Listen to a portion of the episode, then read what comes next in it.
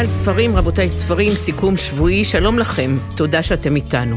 איתנו ביום המאה ותשע עשר למלחמת חרבות ברזל. 136 ישראלים וישראליות עדיין בשבי חמאס. גברים ונשים, חיילים וחיילות, מבוגרים וצעירים ואפילו ילדים.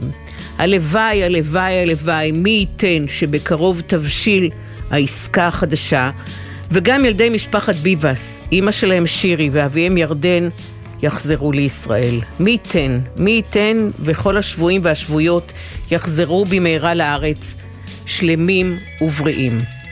ספרים, רבותיי, ספרים, אני ציפי גון גרוס, מפיקות את התוכנית מאיה גונן וורדי שפר, באולפן יובל סיסו, עורכת את המוזיקה גליה זרה, הטכנאי הוא אלון סמיד, ואנחנו נהיה איתכם עד השעה שש. על מה נדבר היום?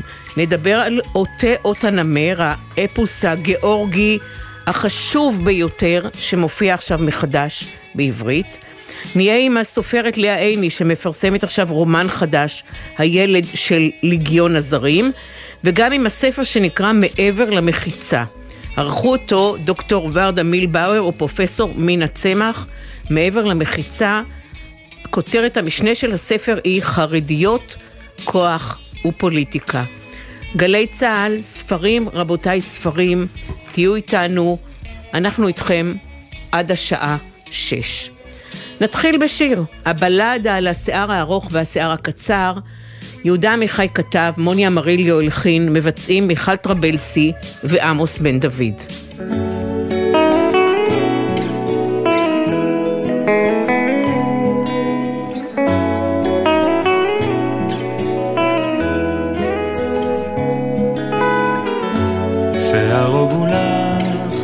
שבא למחנה, שערה נשאר ארוך ובלי מענה. אינני שומעת אותך ברעש הגובר. שערך ארוך נערה, שערך הקצר. כל הקיץ התאמנו פרחים לפרוח. בתוך האדמה סבלנית וצבור כוח. חזרתי אלייך, אבל הייתי אחר, שערך ארוך נערה, שערך הקצר. הרוח שברה את העץ, העץ את הרוח, היו להם הרבה אפשרויות ומעט זמן לנוח. הגשם יורד, בוא הביתה מהר. שערך ארוך נערה, שערך קצר. כל הקיץ התאמנו פרחים לפרוח. תסתכלי על רשימת ספרי הביקורת.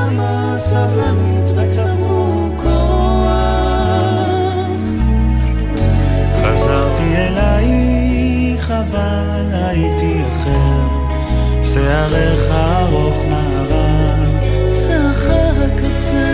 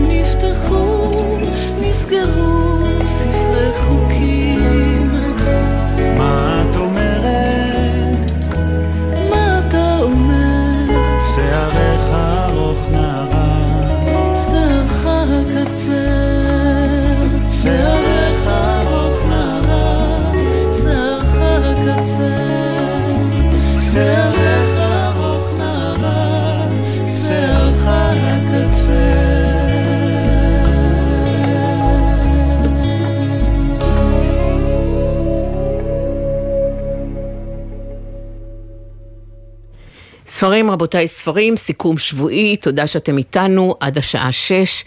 מה שלא אמרתי בתחילה זה שבין השיחות אנחנו נשמיע קטעים משלושת הספרים שהגיעו למקום הראשון במסלול ספרי הביקורים של פרס ספיר של מפעל הפיס. זיו תדהר יקרא את הקטעים ואנחנו נשמע אותם בין השיחות שלנו. אז בינתיים, עד שנפתח בשיחה הראשונה על הספר עוטה אור הנמר, נשמע את זיו תדהר קורא קטע מתוך הספר טסקה שכתבה אילנה רודשבסקי. דירות זמניות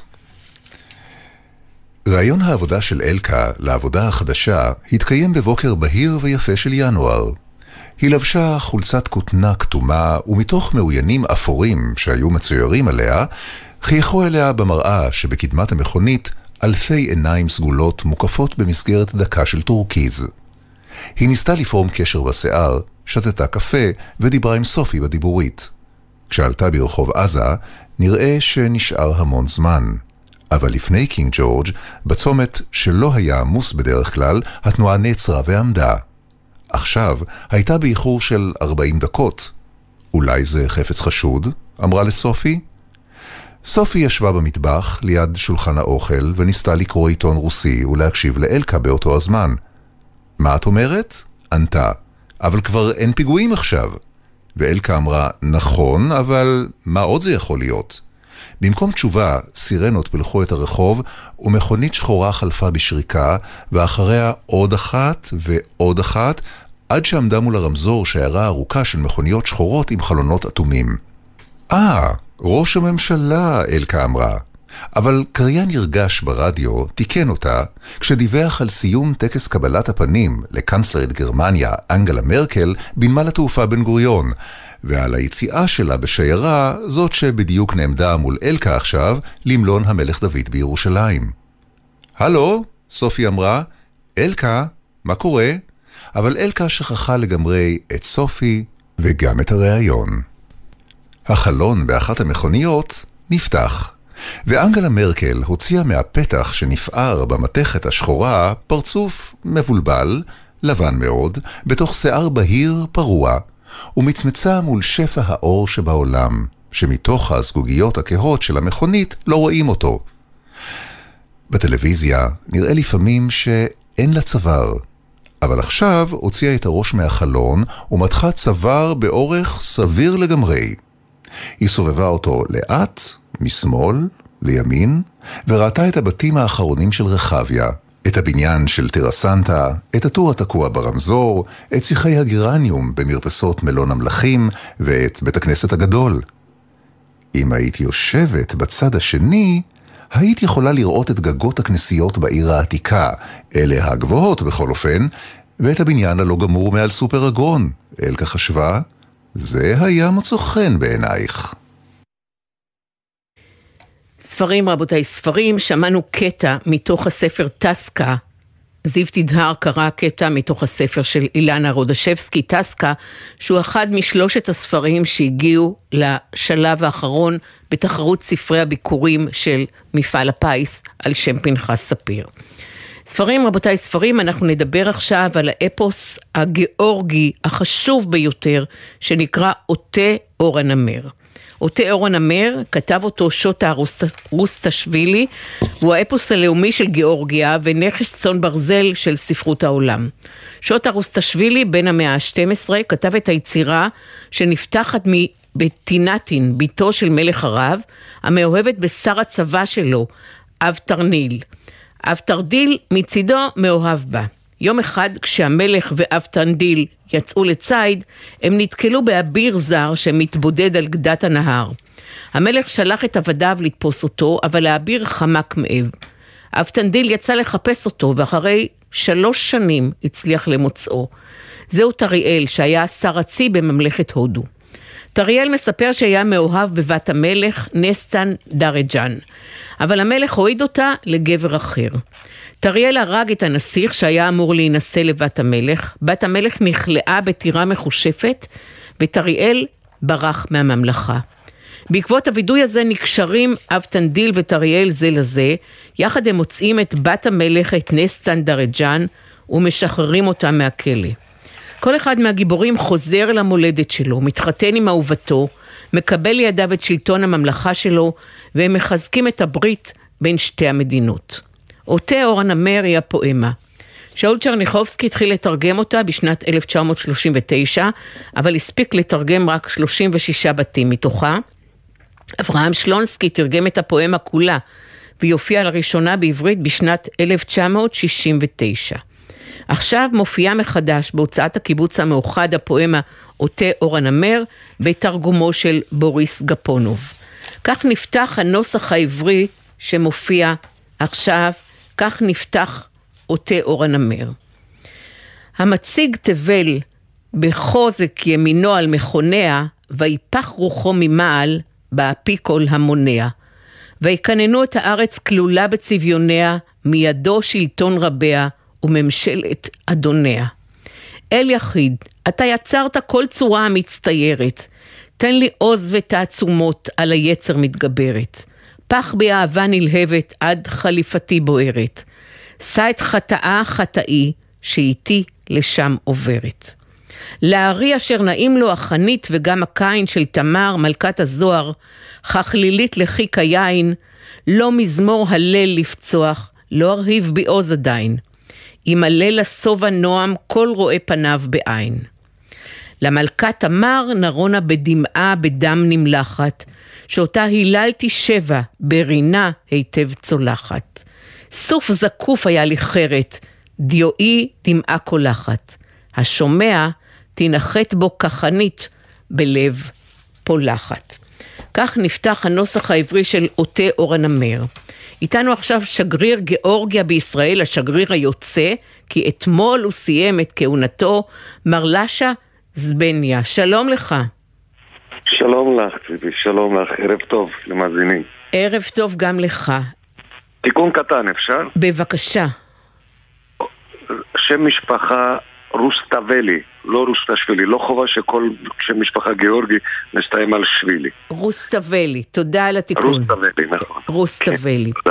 למה שוטה רוסטבלי, כבוד השגריר, למה הוא עזב את החיים הטובים בחצר הממלכה ונסע לירושלים במאה ה-13?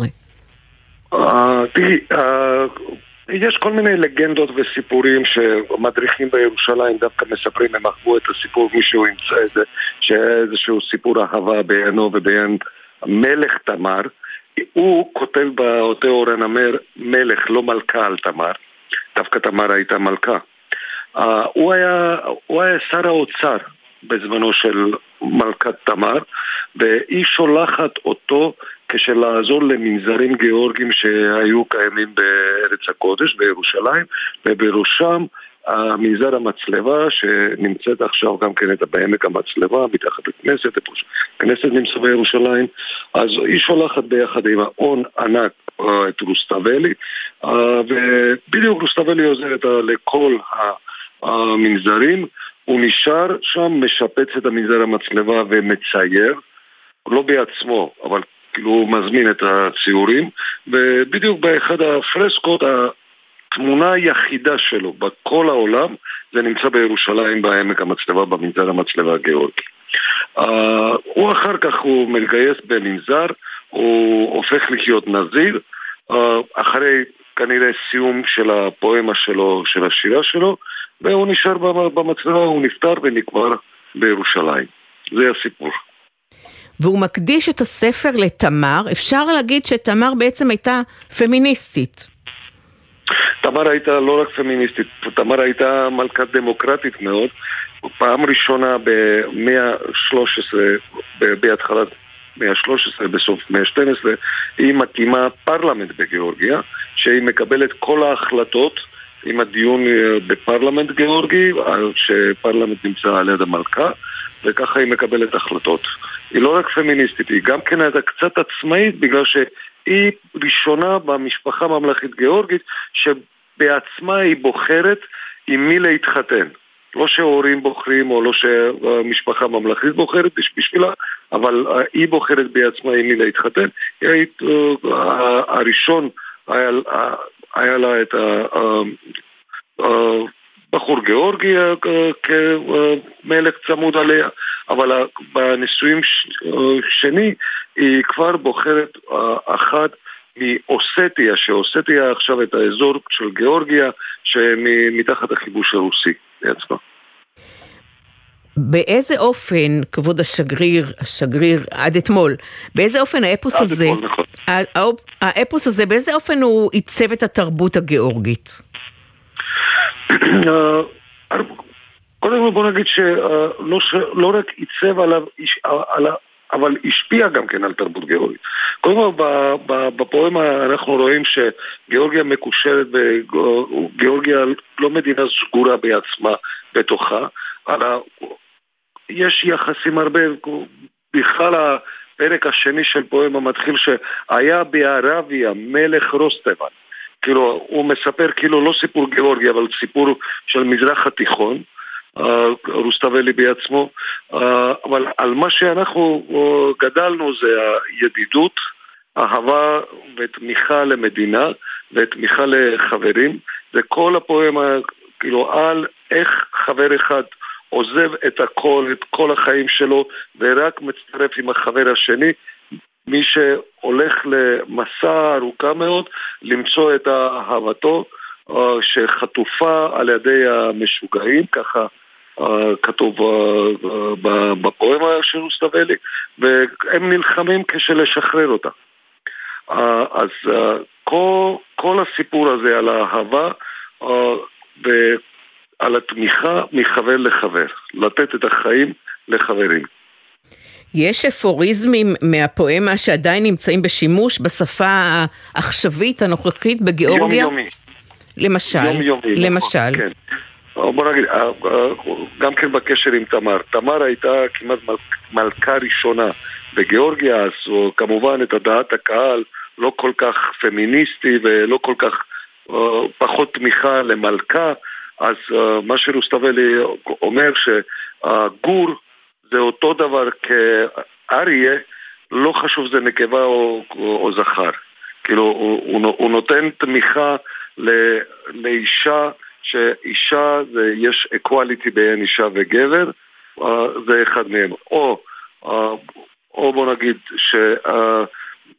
שהכי טוב להשאיר את השם, מי שלהשאיר את ההון. כל מיני, תרגום שלי כמובן לא תרגום של גפונוב, אני לא- לא יכול לתרגם בדיוק, בדיוק זה, אבל uh, כל, כל, כל הפואמה בעצמו והאפוריזמים שלה זה, זה על מה שהקהל גיאורגי, או מה שקהל גיאורגי לומד ועל מה שאנחנו גידלנו, גדלנו. יש בעוטי אור הנמר 1,669 בתים, כל בית כולל ארבע שורות, בכל שורה יש 16 העברות. כלומר, מי שמתרגם את הפואמה הזאת, לא חשוב לאיזו שפה, יש לו משימה מאוד כבדה, הוא נדרש לשמר את המבנה של האפוס, את המצלול, את המקצב, את החריזה. אברהם שלונסקי כתב שהתרגום הזה של גפונוב הוא תרגום מפואר, מלאכת מחשבת צרופה. מה מאפיין את התרגום הזה של בוריס גפונוב? Uh, דווקא לפני גפונוב היה תרגום, עוד תרגום אחד, ב-1937, שתרגם, שתרגם אותו, אבל חלק, לא, לא מלא, עזרא פינינברג, ואחר כך היה של חשצ'בצקי, תרגום. דווקא גפונוב הוא הראשון, מי שתרגם את כל הפואמה. ודווקא הוא נפטר בגיל כל כך צעיר, הסיפור שלו גם, גם כן את הסיפור טרגי מאוד. הוא נפטר בגיל הקומוניסטי- 38, בוריס גפונוב. כן, כן, כן. חברים שלו, גיאורגים, מאוד מאוד עבדו כשהקומוניסטים ייתנו לו אישור לעלייה לישראל. סוף סוף שהוא כבר לקראת למות, הקומוניסטים, השלטון הקומוניסטי נותן אישור אה, לו לעלות. הוא עולה לארצה מבן גוריון, מביאים אותו, מעבירים אותו תל השומר, אף פעם הוא לא יצא מתל השומר, הוא היה על המיטה ונפטר uh, בבית חולים תל השומר. אז uh, זה סיפור של גפונוב בעצמו וסיפור של התמיכה גם כן מצ- מצד החברים שלו, גיאורגים, שיעזרו לו לעלות לארצה, כשלהציל את החיים שלו. אז מה מאפיין את התרגום שלו?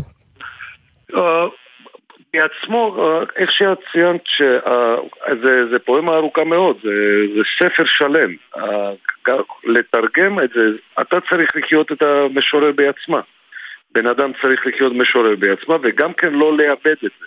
אה, לכתוב את השיר זה דבר אחד, אבל גם כן לתרגם ולא לאבד, וגפונוב בדיוק זה, בשבילי, אני חייב להגיד שבשבילי זו שפה מאוד קשה. קשה לי לקרוא את זה בעברית.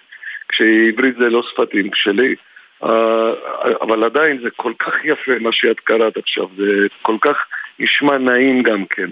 אה, גפונוב הוא בן אדם גאון פשוט, שהוא הצליח לעשות את זה, הוא לקח את העבודה הזאת וסיים את זה. אני הייתי ממליץ שכל אחד uh, יקרא, את ה, יקרא את החלק של פואמה זה כשלהבין את התרבות גיאורגי ולהבין את הרוח גיאורגי גם. שלא לדבר על הציורים המדהימים שיש בתוך הפואמה הזאת. ממש יצירות אומנות כל ציור וציור. כן, גם כן את התרגום הראשון שיצא בירושלים uh, ב-1969 זה היה ציור, uh, טווה קרשווילי היה, היה מצייר כזה ש... הצייר, וגם כן ב-91 עם אותו ציורים ואילוסטרציות יצא את הספר הזה של גפונוב. זה ציורים uh, ש... של האומן גיאורגי שעדיין נשארו את, uh, בספר החדש הזה, ואני מאוד שמח לזה. ואני אשאל אותך לסיום, מר לאשה זבניה, אני אומרת נכון את השם שלך? ז'בניה. ז'בניה, ז'בניה. אה, מה הקטע בעוטה אור הנמר שאתה הכי אוהב, ואם תגיד אותו בגיאורגית אני עוד יותר אשמח. אני, אה, התחלה, התחלה, אה, זה רומלמן שקמה כפכנה דליתה מדלייריתה זגרנו הארץ מארציתה לי חרם ציפה. זה משהו, זה מה שאנחנו לומדים בבתי ספר או, בוא נגיד, לקווי לא מססוריה, זוי חוסטונדה חוודיה ועל תמר. Uh, יש, יש כל מיני ביטויים שכל uh, אחד מהגיאורגיה זוכר את זה. מה שאני הייתי ממליץ לישראלים, מי שלא ביקר את עמק המצלבה, מנזר המצלבה הגיאורגי, לבקר אותו. שם אתם תראו את התמונה של רוסטבלי זה אחד, והשני את הציורים גיאורגיים. דווקא שם מאוד מעניין דבר אחד. הרבה לא יודעים פה בארץ שבמצלבה מוחזק ציור של 113 ועל ציור ביחד נמצאים דוד המלך של ישראל ומשה אבינו ועל ידם דניאל הנביא. גם כן כדאי לראות את זה וגם כן לראות את הכתב גיאורגי אנחנו נוכל לדבר שעות על האפוס הזה, אני רק אומרת במילה אחת שלא מעט משווים את האפוס הזה לתנ"ך. אז לא נספיק היום כי הזמן שלנו קצר ואני רוצה מאוד מאוד להודות לך על השיחה הזאת, על הספר עוטה אור הנמר, האפוס הגיאורגי שהופיע עכשיו מחדש. שוטה רוסטבלי תרגם אותו. תודה רבה לך. שגריר גיאורגיה, עד אתמול הדליפו לי שאתה... שוטה רוסטבלי כתב אותו, דוב גפונוב תרגם. דוב גפונוב תרגם, ואני מבינה שאתה נשאר בישראל, זה נכון? אני אישי על הקו, כן, תמיד. יפה מאוד, כל הכבוד. עולה חדש. תודה רבה לך. תודה רבה. תודה רבה לך. ספרים, רבותיי, ספרים. נשמע עכשיו עוד קטע מתוך ספר, ספר ביקורים, שהוא אחד משלושת הספרים שהגיעו לרשימה הקצרה בתחרות פרס ספיר של מפעל הפיס. כתבה אותו אושרת אסייג לופז, והוא נקרא על משכבי בלילות. את הקטע הפותח יקרא זיו תדהר. אוקטובר 1916 גם הגדולה שבאהבות היא רק הפוגה זמנית מבדידותנו, חשבה אמה לבונטין, ולמרות הצינה, עצרה מצעידתה הנחפזת להטיל את ראשה לאחור, להתבונן בכוכבי הליל של שמי לונדון. בהפעלה שנגזרה על תושבי העיר מחשש למתקפה אווירית גרמנית, זהרו הכוכבים באור חד, כמו אז, בטרם הוארה העיר במאור חשמלי. באותם זמנים הליל הזדחל אל החדרים, נסוג בליטוף עדין מפני הילת נרות רוטטים, ונוגה סלחני ריכך תווי פנים ונסח באבעותיהם שמץ של מסתורין. אמה התגעגעה אליו. אור הקדמה, דורסני וחסר רחמים. אלומת זרקור סרקה את השמיים בחפשה אחר מטוס אויב, והיא התנערה ושבה לפסוע בצעד מהיר. נקישות עקביה על המדרכה הדהדו במקצב, כפות רגליה וקרסוליה כאבו מעמידה ממושכת לצד מיטות הפצועים בבתי החולים, והחובה להיחפז אל בית הוריה בתום משמרת ארוכה הכעיסה אותה. אם תסב לשולחן ארוחת הערב לבושה במדי אחות, יהיה הדבר בלתי מקובל. ואולם אחיה דוד, שיגיע באיחור לבוש במדי צבא, יתקבל בתשואות גאווה. לאחרונה הכל הרגיז אותה. הטיפשות הגברית, הכניעות והפתלתלות הנשית, התובענות של החיים. תמיד צריך לעשות משהו, אפילו בבית, המקום היחיד בו אדם יכול להיות עצמו, אין מנוחה. היא חמקה אל חדרה דרך הדלת האחורית במעלה גרם מדרגות המשרתים, ולא היה בה שמץ רצון להתלבש, לרדת לטרקלין ולשעשע את אורחי הוריה. אולם אין דבר המתקבל בחינם, וגם בבית ההורים יש שכר דירה לשלם. והיא מהבוקר החליפה תחבושות, חיטאה פצעים, רוקנה כלים עם צרכים וכי, וספגה הערות מהאחות האחראית. ועתה, כל שרצתה היה לפשוט את מדיה, לטבול באמבט מים חמימים, ולפשוט את איבריה על מזרן רך, תחת צמיחה עבה. אבל לא, אורחים ארורים הוזמנו. לו רק היו הכל נמוגים, הופכים לטפט קיר. אמה ניגשה אל החלון והתבוננה במרחב השומם וכמהה על הדומייה שבמרחב הפרטי. הלוואי שאפשר היה לקנות עליה בעלות ולרושמה כמו בשטרי מקרקעין. זיו תדהר קרא מתוך הספר של אושרת אסייג לופז על משכבי בלילות. ספרים רבותי ספרים, שולי נתן הלחינה ופרנציסקו אסיסי כתב את המילים של השיר המקסים שנשמע עכשיו, אנא אלי. במקום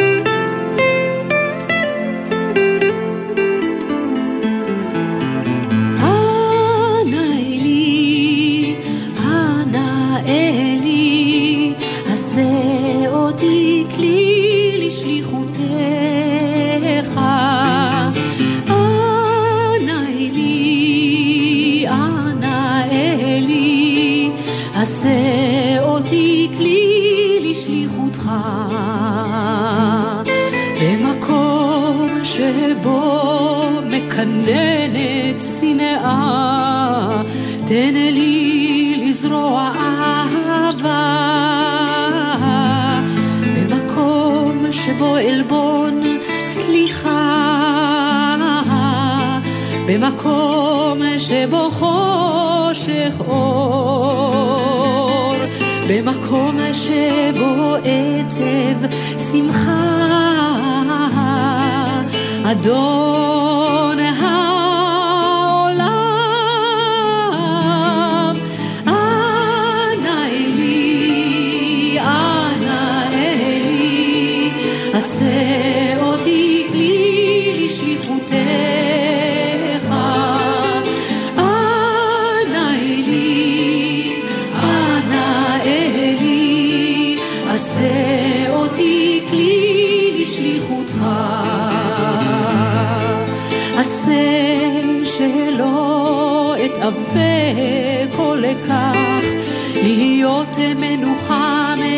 אל המנחם.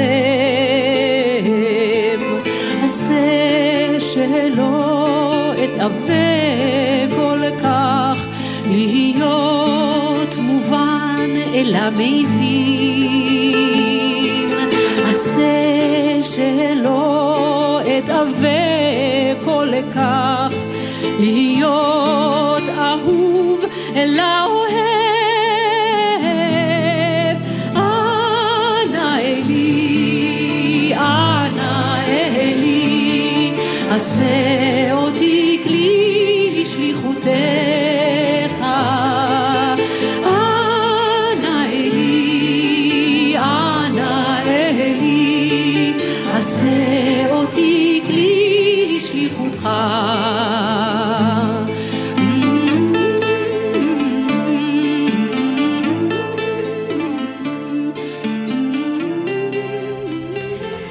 אנה אלי, שולי נתן, שרה. ספרים רבותיי, ספרים, נדבר עכשיו על הרומן החדש של לאה עיני, הילד של ליגיון הזרים, רומן שהופיע בהוצאת כתר. הרומן נפתח באוגוסט שנת 1962 במילים הבאות. הכותרת היא התיירת. התיירת התקשתה להעתיק את מבטה מהזוג הצעיר היפה שהתקוטט בסערה כבושה בחנות התכשיטים של המלון. היא ישבה מולם על ספת לובי רכה, שקועה במקצת, כצופה בסרט אילם שהוקרן בחלון הראווה של החנות, כמו כדי להקהות את עליבות המקום. המלון גבל בירקון Street, איפה שהתנוססו מלונות מפוארים ובתי שגרירויות, אך שכן ברחוב צר ונופל שמשמו התעלמה. היא שנאה לעשות שימוש בשפה הזו עם האותיות הגרוניות שהוריה הטילו עליה ללמוד בילדותה ב Sunday school של הרפובליק סינגוג, והמקום היה באמת פרטאץ'. מיקומו גם הסביר מדוע הים רק הציץ מבין בנייני הפאר לתוך שמשות הלובי שבגבה, כאציל מתקצף שנקלע לשוק. אגב, טעיתי, צריך לומר רפורמיק סינגוג. הזוג בחנות התכשיטים העצים את מריבתו הדמומה. אתמול, כשעדנה שוב התעכבה בחדרן, כשעדנה שוב התעכבה בחדרן, איש בחליפה אפורה, מגבעת ותיק מסמכים, שנראה כניצב בסרט של המפרי בוגארט, הפעיל לפתע את מערכת השמע בהיכנסו לחנות. היא לפחות שמעה את צלצול אגרופו של מוכר התכשיטים על דלפק הזכוכית. אחר כך היו נפנופי זרועות באוויר, ביניהן אלו הדקות של אשתו, שנבהלה לעצור בו. לשווא. זאת ההתחלה של הספר, אבל עוד לפני תחילתו של הרומן, מופיע, בפתח הספר מופיעה הקדשה לעין, נקודה, סירת ההצלה הגדולה שלי, ומופיע מבוא. הנה המבוא.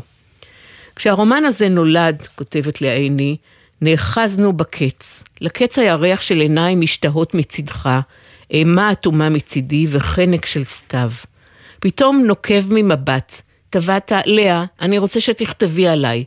ושבת וחזרת על תביעתך. לשוני יבשה. שנים אפשרת לי לכתוב מבלי לבקש דבר בעבורך. ואף שתכננתי לספר פעם בעתיד את סיפור ילדותך, הייתי אנוכית. אמרתי כן, התכוונתי עירד, אבל אתה היודע שאינני כותבת הספדים. לאה אמרת, אני רוצה להיות ספר שלך. איך טוב, הבטחתי לך. פרק, הטייל, פרק התיירת שנבט בי עוד באותו היום גרם לי למבוכה. למה להתחיל סיפור חיים בוער כשלך עם דמות כה משנית, ארעית? למחרת, כיודע שלעולם לא תקרא את הרומן הזה, קינטרת, נו כבר התחלת? ומתביישת שיקרתי, לא. מאז לא שבת לבקש, אך הפרק ההוא התעקש כמבצר. בחודש מותך פתחת והפלגת לפתע, הפלגת לפתע בדוד הרחוק ששירת, בדוד הרחוק ששירת בלגיון. מפליג בו מכולם וצולל בעיניי. ירד, גם היום לא אוכל לומר שמילאתי את בקשתך, רק זאת. קרובים כפי שלא היינו מעולם, כתבתי על הילד שלא הכרתי, ונשא את שמך. הנה הוא כאן. שלום, לאה עיני, יקירתי. שלום, שלום, ציפי, שבת שלום. שבת שלום. היינו כמובן ירד בן זוגך, והמבוא עוסק בו. אני הכרתי את ירד, שהיה נוירופסיכולוג, הוא השתתף בתוכנית שלי לפני 20 שנה בערך. מה הסיפור, נכון. לאה, מאחורי הילד של ליגיון הזרים? אמ, הסיפור הוא באמת אה, מתחיל בהקדמה שאת הקראת. אה, ירד אה, בעצם נודע לנו שהוא חולה סופני.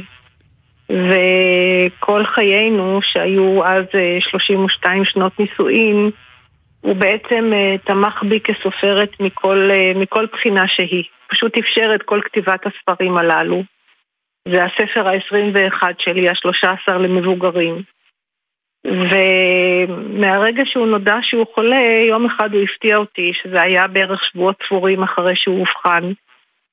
והוא פתאום ביקש ממני לכתוב עליו, וזה היה פעם ראשונה ב- לאורך כל חיינו שהיו גם חיים ספרותיים, לא רק חיים זוגיים ומשפחתיים, כי הספרות הייתה חלק מאוד מאוד מרכזי בבית. אה, בטח מתוך זה שהוא כל כך תמך בזה וכל כך אהב את מה שאני עושה. וזה מאוד הפתיע אותי, כי הוא באמת מעולם לא ביקש שום דבר בשביל עצמו בתחום הזה. והיה אדם מאוד מאוד צנוע. ולפתע פתאום, אה, לאה תכתבי עליי. ואני הייתי באמת אה, המומה, ולא הבנתי, זאת אומרת, הבנתי, הבנתי ולא הבנתי שזה סוג של צוואה. צוואה. אבל uh, קצת התקפדתי ואמרתי לו, אתה יודע שאני לא נוהגת אבל לכתוב הספדים, שזה לא יהיה משהו ככה של זיכרונות או איזה אנדרטה. ואז הוא אמר לי, אני, אני רוצה להיות ספר שלך, אני לא רוצה שאת uh, ת, תהפכי אותי למשהו ש, שאת לא, לא רוצה ולא לא יודעת לעשות, אלא פשוט uh, הוא רצה להיעלם, סוג של בעצם, ולהפוך להיות uh, סיפור. אה, סיפור של לאה. אה, אני חושבת שהוא בעצם רצה ממני את, אה, את אה, ורד הלבנון שלו, אבל כיוון שורד הלבנון זאת אוטוביוגרפיה שלי, אני מן הסתם לא יכולתי לכתוב אוטוביוגרפיה שלו, ולא רציתי לכתוב ביוגרפיה או באמת אה, ממואר. אה, החלטתי לעשות את מה שהוא ביקש, אה, כמה חודשים אחרי שקצת אה, התאוששתי, אם אפשר לומר ככה, אני אומרת את זה מאוד מאוד באירוניה, אה, אחרי שהוא נפטר, והתחלתי לכתוב את, ה, את הספר, והפכתי אותו פשוט לרומן, לסיפור, בדיוק כמו שהוא רצה. וזה סיפור הילדות שלו אה, בבית הוריו. אה, תמיד ידעתי שיש לו סיפור אה, חזק. אה, את יודעת ש... אה, הגדילה שלנו בבית הורים, אה, גם לשנינו היה מאוד, אה, מאוד אה, לא קל, לא, אף אחד מאיתנו לא ליקק דבש בתור ילד. אז הסיפור הזה תמיד היה, סיפור משפח, משפחה שלו, תמיד היה ברור לי שיום אחד אני אעשה איתו משהו. לא, לא תכננתי שזה יהיה בתוך, בתוך המחלה וכבקשת פטירה שלו, אבל זה, כך זה יצא. את אומרת שכל אחד מכם אה, היו לו חיים לא פשוטים בילדותו, אבל חיים מאוד שונים. אבא שלך היה ניצול שואה מסלוניקי, והמשפחה של עירד היו לה קשיים מסוג אחר, בין השאר אה, פשיטת רגל, התמוטטות כלכלית שהוא חווה כילד. נכון, אה, ההורים שלו אה, היו באמת אה, משפחה מאוד מאוד עמידה.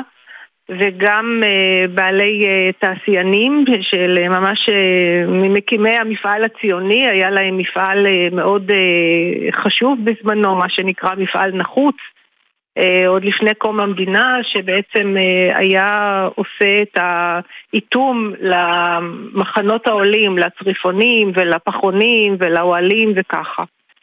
והם היו משפחה מאוד אה, ככה מרכזית בתוך ה... בעלת קשרים וכולי. וממש אה, ימים אה, ספורים לפני שירד נולד, המפעל הזה נשרף, הוצת, זה לא ברור בספר, אני משאירה את זה. יש שם כל מיני הסברים שיכולים להיות, לבוא בחשבון מדוע הוא נשרף או הוצת. אבל עירד נולד לתוך השריפה הגדולה הזאת.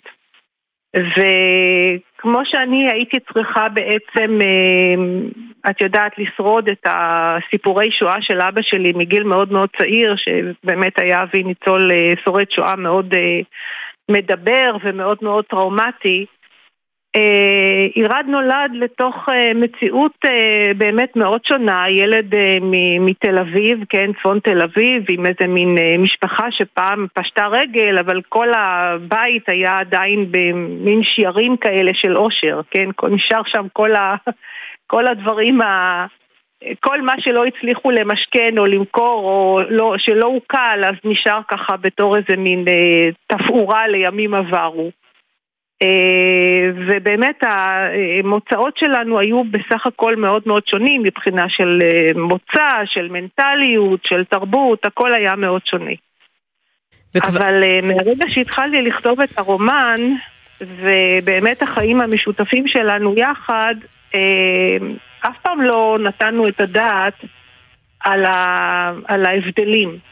עסקנו יותר בעצמנו, היינו בהתחלה מן הסתם זוג צעיר ואחר כך עם ילדה, והיו לנו את החיים שלנו, ככל שהחלפנו בשעתו, רק בהיכרותנו, את יודעת, אה, קורות חיים, אני אומרת את זה ככה בלשון יבשה, יבשה אבל החלפנו אה, אה, סיפורים הדדיים של משפחה וגדילה וקשיים, ברבות השנים, כל המוצאות הללו, שהיו יותר של המשפחה מאשר שלנו, ואנחנו כילדים רק קיבלנו את ההדף שלהם, נקברו. נקברו תחת חיים אה, של משפחה צעירה ותחת כל התלאות והשמחות של, אה, של אנשים שמקימים בית חדש ולא נתנו את הדעת על זה ולא דיברנו על כך והתייחסנו יותר לעצמנו מן הסתם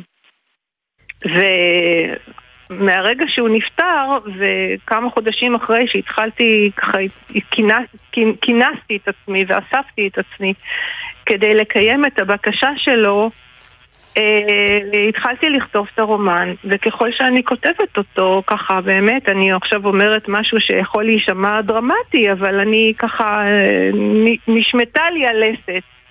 פתאום ראיתי שלמרות כל ההבדלים הללו, היו חיבורים, אה, הייתי אומרת אפילו אה, אה, באמת אה, אה, ו- ומאוד אה, מרגשים שלא ראינו אותם אני לא ראיתי אותם קודם. אה, למשל, את, את ציינת ש, שאבי היה ניצול שואה ואביו היה בעל מפעל, אבל אבי הגיע מהכבשנים ושיתף אותי בכל, ה, בכל סיפורי, ה, סיפורי השואה שלו. ואילו אבא של ירד אה, היה זה שתוך כדי הניהול שלו, כן, תחת הניהול שלו המפעל אה, נשרף. ועימו בעצם כל המשפחה. וגם אביו הגיע מכבשן, מהכבשנים של המפעל. ואבי היה רדוף, ואביו של ירד היה רדוף. אבי סיפר לי וסוג של בעצם אה, השתמש בי כדי להיות סוכן את הזיכרון שלו ונושא את הלפיד המשפחתי החרוך ואותו דבר אביו של ירד אה, שככה לקח את הפשיטת אה, רגל ואת כל ההשפלה הזאת שהיה, שקרתה שם, אני, זה בתוך הספר, אני לא רוצה יותר מדי להרחיב, יש שם איזה ממד אפילו, הייתי אומרת בלשי קצת בתוך, ה, בתוך העניין הזה. אז... גם הוא לקח את זה מאוד מאוד קשה ובעצם אה, אה, היה רדוף ו- ו- וכולו ככה מלא זעם ו- ותחושות של, של כן, ש... שנגרם לי טרגדיה של פשוט מצב ממש טרגי, הוא דמות תנכית אבא שלו בעיניי. ו... וירד סבל מזה בדיוק כמוני, זאת אומרת, גם הוא היה בעצם, אביו היה נתון ל... לכל הרדיפה, תחושת רדיפה ותחושת העוול שנגרם לאביו, ואביו השתמש בו. והאימא שלי ברחה מכל הסיפור הזה של ה... של המשפחה קשת יום והאב השורד שואה הזה שבעצם שלט בבית והנהיג בבית אה, אה, סוג מסוים של אה, אורחות חיים מאוד מאוד אה, סקפניים ונוקשים וטרגיים וגם אימא של ירד ברחה מהבית ועזבה אותו בעצם לזוועות של, של האב. אה, עכשיו אבא של ירד, את יודעת, אה, בעצם אה, המפעל, ניהול המפעל המשפחתי הזה אה, נכפה עליו, כי הוא קיבל אותו לידיו כשהוא היה רק בן 17 וחצי, אה, בגלל אה, עניין של אביו, ו... ולמעשה היו לו חלומות אחרים, הוא רצה להיות אמן, הוא רצה להיות סופר, וכל זה כמובן לא הסתייע, ואחר כך החיים נהרסו עם השרפה. והנה ירד שגדל תחת האב הזה, שזה בעצם אב מאוד דורסני, בדיוק כמו שאבא שלי היה, ושתי אימהות שעזבו את המערכה והשאירו את הילדים האלה הלומי ילדות אה, לאב, לאבות הללו, האומללים. אה, ירד מכיר את לאה לימים, אה, והופך להיות אה, בעצם, עושה איזשהו סוג של תיקון דרך הספרות של לאה. אביו לא יכול היה להיות סופר, אבל uh, לאה, הוא ידע שמההתחלה אה, שלאה כותבת, ו... ובעצם לא בכדי אה, תמך, אני לא הבנתי בהתחלה, את יודעת מדוע הוא כה תומך בכתיבה שלי כאשר אני באמת לא הייתי מתפרנסת ממנה. עדיין אני לא יכולה להגיד שאני מתפרנסת ממנה, אבל ההתחלה הייתה בטח מאוד מאוד אה, אה, קשה. ולא הבנתי מדוע התמיכה הבלתי מסויגת הזאת, אה, שהייתה סוג של, אני לא יודעת, זה היה הערצה כזאת, כן? וכשהיו אה, לנו קצת קשיים בהתחלה כזוג צעיר, אז הוא היה אומר, לאה, את אה, צריכה לקום בבוקר לכתוב ספרים. אמרתי לו, אבל אנחנו לא מספיק, זה לא מספיק הכסף, ולא, אז הוא אמר, אני אקח עוד עבודה ועוד עבודה. ו... והנה אחרי הפטירה, אחרי המוות בעצם, והאובדן, פתאום מגלים, פתאום אה, יש איזה מין אה, מערכת חיים שלמה, אה, אה, איזה מפה כזאת. לאה, לאה יקירתי, אנחנו פשוט חייבים לסיים, כי יש לנו עוד שיחה אחת. אני יכולה רק לומר לסיום, שאני מסכימה עם מה שכתוב על הכריכה, שהספר הזה הוא רומן מופת מפסגות יצירתה של לאה עיני, ואנחנו חייבים לעבור לראיון הבא שיש לנו, אז תודה, אני מודה תודה, לך מאוד. הילד של לגיון הזרים, הוצאת כתר, תודה רבה.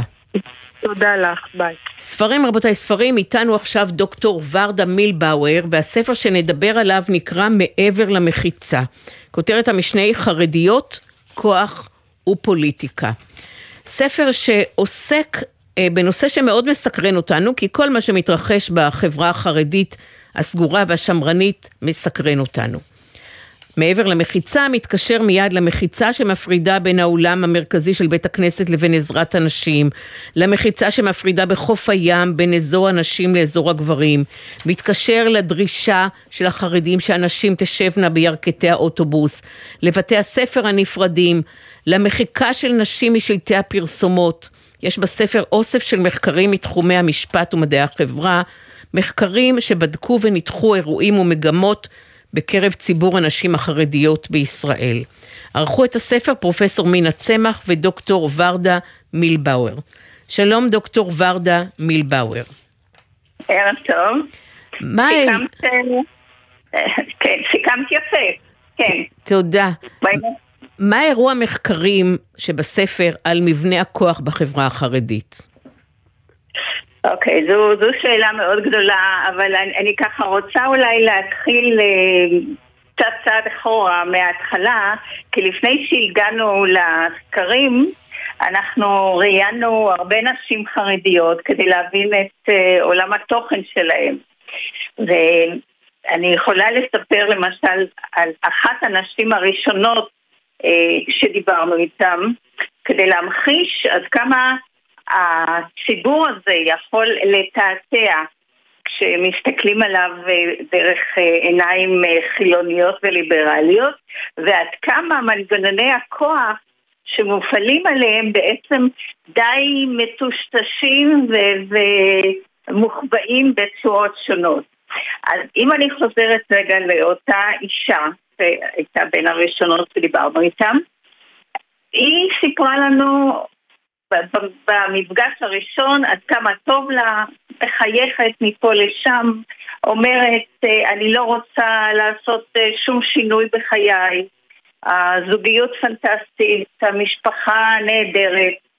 אני זוכרת שבאותו רגע שהקשבתי לה, אני עברה בי מחשבה בראש, אה, אולי טעינו, אולי הם ייצרו את הגביע הקדוש ומצאו את הדרך אה, לאושר במשפחה, בזוגיות, אבל אז היא ממשיכה קצת לדבר.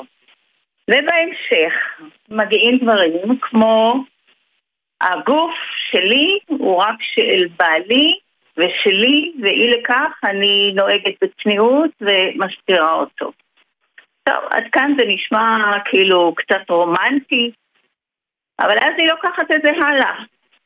ואומרת, אה, אם אני נוסעת לים, והיא אוהבת ללכת לחוף הנפרד אה, בים, אז אה, בעלי מסיע אותי. הוא לא מאפשר לי לנסוע באוטובוס.